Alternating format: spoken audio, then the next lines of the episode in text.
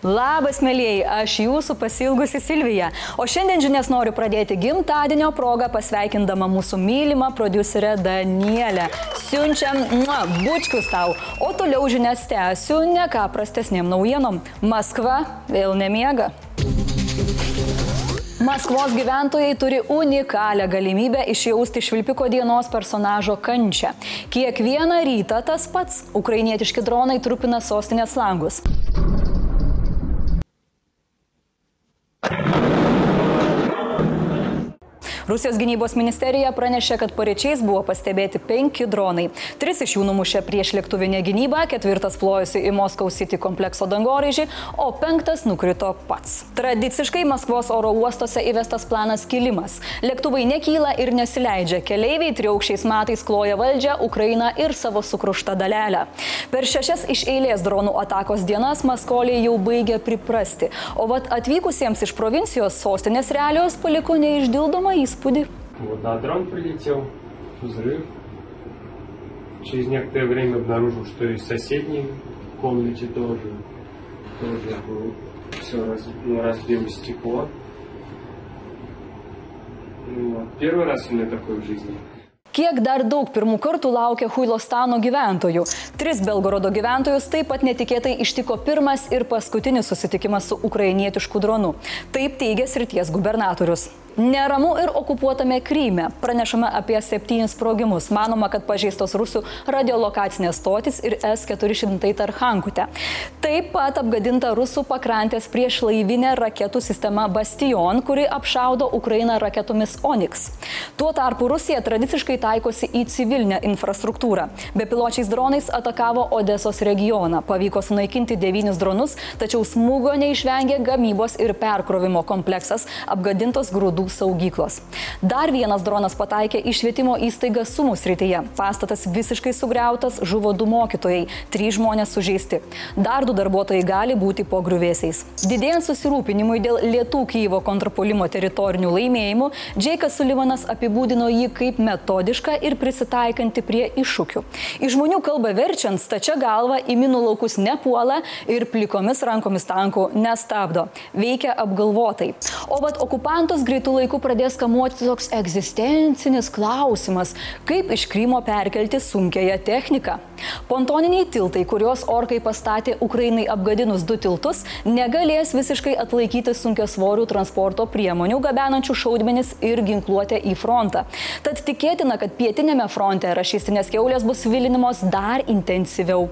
Mhm. Tuo tarpu Putino kreipimasis BRICS susitikime gerokai visus nustebino. Ne, ne marazminė kalba, ten nieko naujo net analizuoti neverta. O vad bunkeriniam pelėsiui nebūdingas balsas tai vad skambėjo keistai. объединяющего ведущих бизнесменов и глав крупнейших компаний стран пятерки, Kaip manot, kas ten nutiko? Gal jis pagaliau užsilenkė?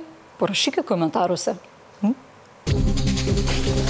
Lietuva, tėvynė mūsų, prisimenam svarbę datą - Baltijos kelio 34-asias metinės. Kaip sakė prezidentas Gitanas Nausėda, tuo met 89-aisiais kartu su Latvija ir Estija sukūrėme vienybės stebuklą. Tikrai stebuklą, nes nuo Gedimino iki Hermano bokštų į gyvą 650 km grandinę sustojo ko ne 2 milijonai žmonių. Minint svarbę datą, šalies lyderiai priminė istoriją ir padrasino visuomenę. Premjerė Ingrida Šimonytė Baltijos kelią įvardijo kaip ryškiausią mūsų vienybės pavyzdį, kuris pasauliui parodė, jog čia gyvena drąsūs ir už laisvę kovojantys žmonės. Ji pridėjo, kad šiandien prieš tą patį priešą kovoja Ukraina ir paragino susikipti už rankų už Ukrainos pergalę. Seimo pirmininkė Viktorija Čimilytė Nilsen akcentavo, kad blogį galima įveikti tik sutelktomis geros valios pastangomis, o agresiją reikia stabdyti. 2 milijonai tiek ne tik stovėjo kelyje, bet ir beveik tiek pat žmonių Baltijos šalis neteko per okupantų 15 metų vykdytą genocidą ir terorą. Priminė krašto apsaugos ministras Arvidas Anušauskas.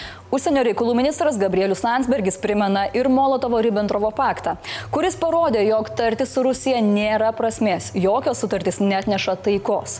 O tokio įvykio, kaip Baltijos kelias prisiminti kaip fakto, neužtenka. Pirmasis atkurtos Lietuvos vadovas Vytautas Landsbergis pastebėjo, kad tai tai nuostabus pavyzdys, kaip įveikti priespaudą, nedeginant automobilių ir nedaužant vitrinų. Įsivaizduokite, kiek kitokia, saugesnė kaiminystė būtų, jei būtų prisijungusi tuo metinė Baltarusija. Bet mūsų kova už laisvę nesibaigia, nes karas vis dar vyksta Ukrainoje. Tad nausėda lankosi Kijeve, kur dalyvaus Ukrainos nepriklausomybės dienos iškilmėse ir tarptautinės Krymo platformos viršūnių susitikime. Gitanas pakartojo, kad Lietuva rems Ukrainą iki pergalės. Baltijos kelio proga Vilniuje organizuojamas dviračių turas atminties takas. Prie okupacijų ir laisvės kovų muziejaus bus atidaryta paroda skirta masiniams sovietų represijoms. Kitose miestuose vyks koncertai, o štai Šveicarijos lietuviai, Latvijai ir Estai šeštadienį minėdami Baltijos kelio metinės susikips į gyvą grandinę. O aš Dar kviečiu mus visus paremti Ukrainos kovą už mūsų visų laisvę. Slava Ukraini! Baltarusijos naujienos, tiksliau grėsmės Lietuvai iš prasto kaimyno. Pradėsiu nuo netokios akivaizdžios aktyvistės Olgos Karač. Neišvengiamai jos klausimėlis buvo paliestas ir per Čimlytės Nilsen ir Baltarusijos opozicionierės Svetlanos Cikhanauskojo susitikimą. Cikhanauskaja pakalbėjo ir apie dirbtinius bandymus supriešinti lietuvius su baltarusiais, litvinizmo apraiškas.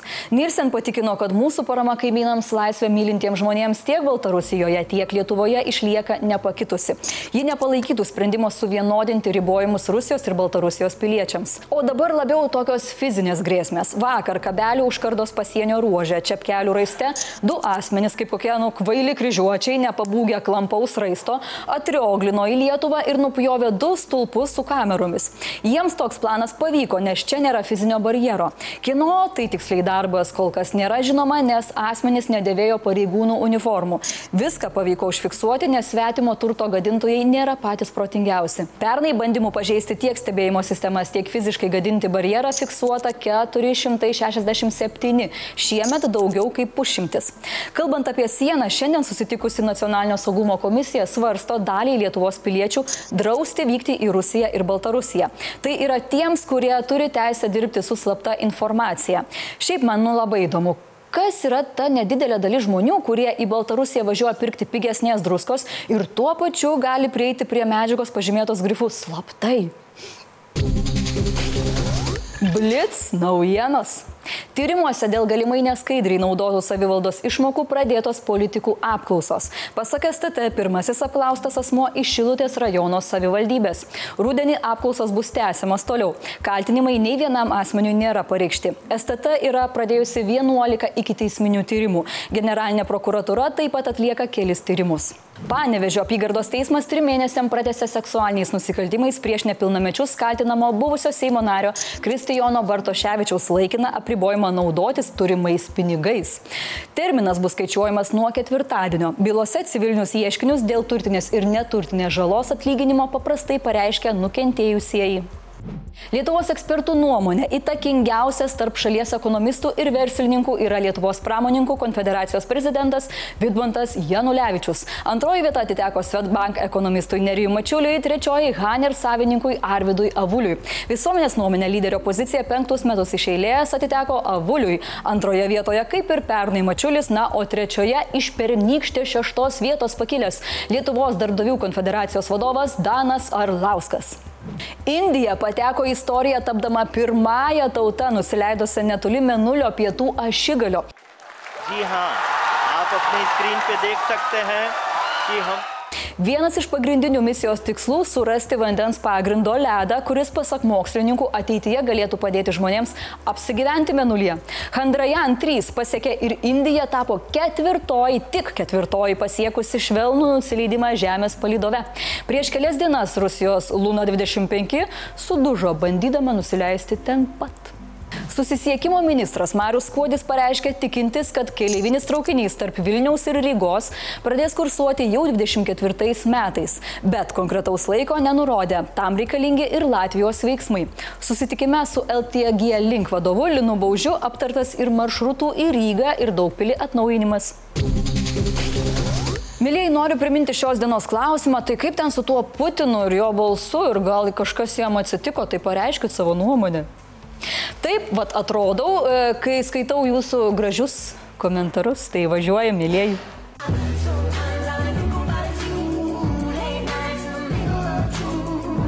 Komentarų metas. Vakar Dyzas prašė, kad jam visai būtų keista, jei eterio metu pamatytų pasitenkinusi Timūrą. Dyzai, nu. O norit pamatyti pasitenkinusi mane? Ai, man žinokit, daug nereikia. Like, share, geras komentaras ir aš jau patenkinta. Na, o mechanikas sako, kad e, koks ten prigožinas, greičiau jau prikolžinas. Nežinau, mechanikai, man atrodo, kad geriau priperdožinas, pridrožinas, pridročinas, pririauginas, prisičiūdynas, prigaišina arba privoltinimas. Nu, tęskit sąrašą čia irgi. Ačiū Jums, tiek žinių ir iki rytojaus.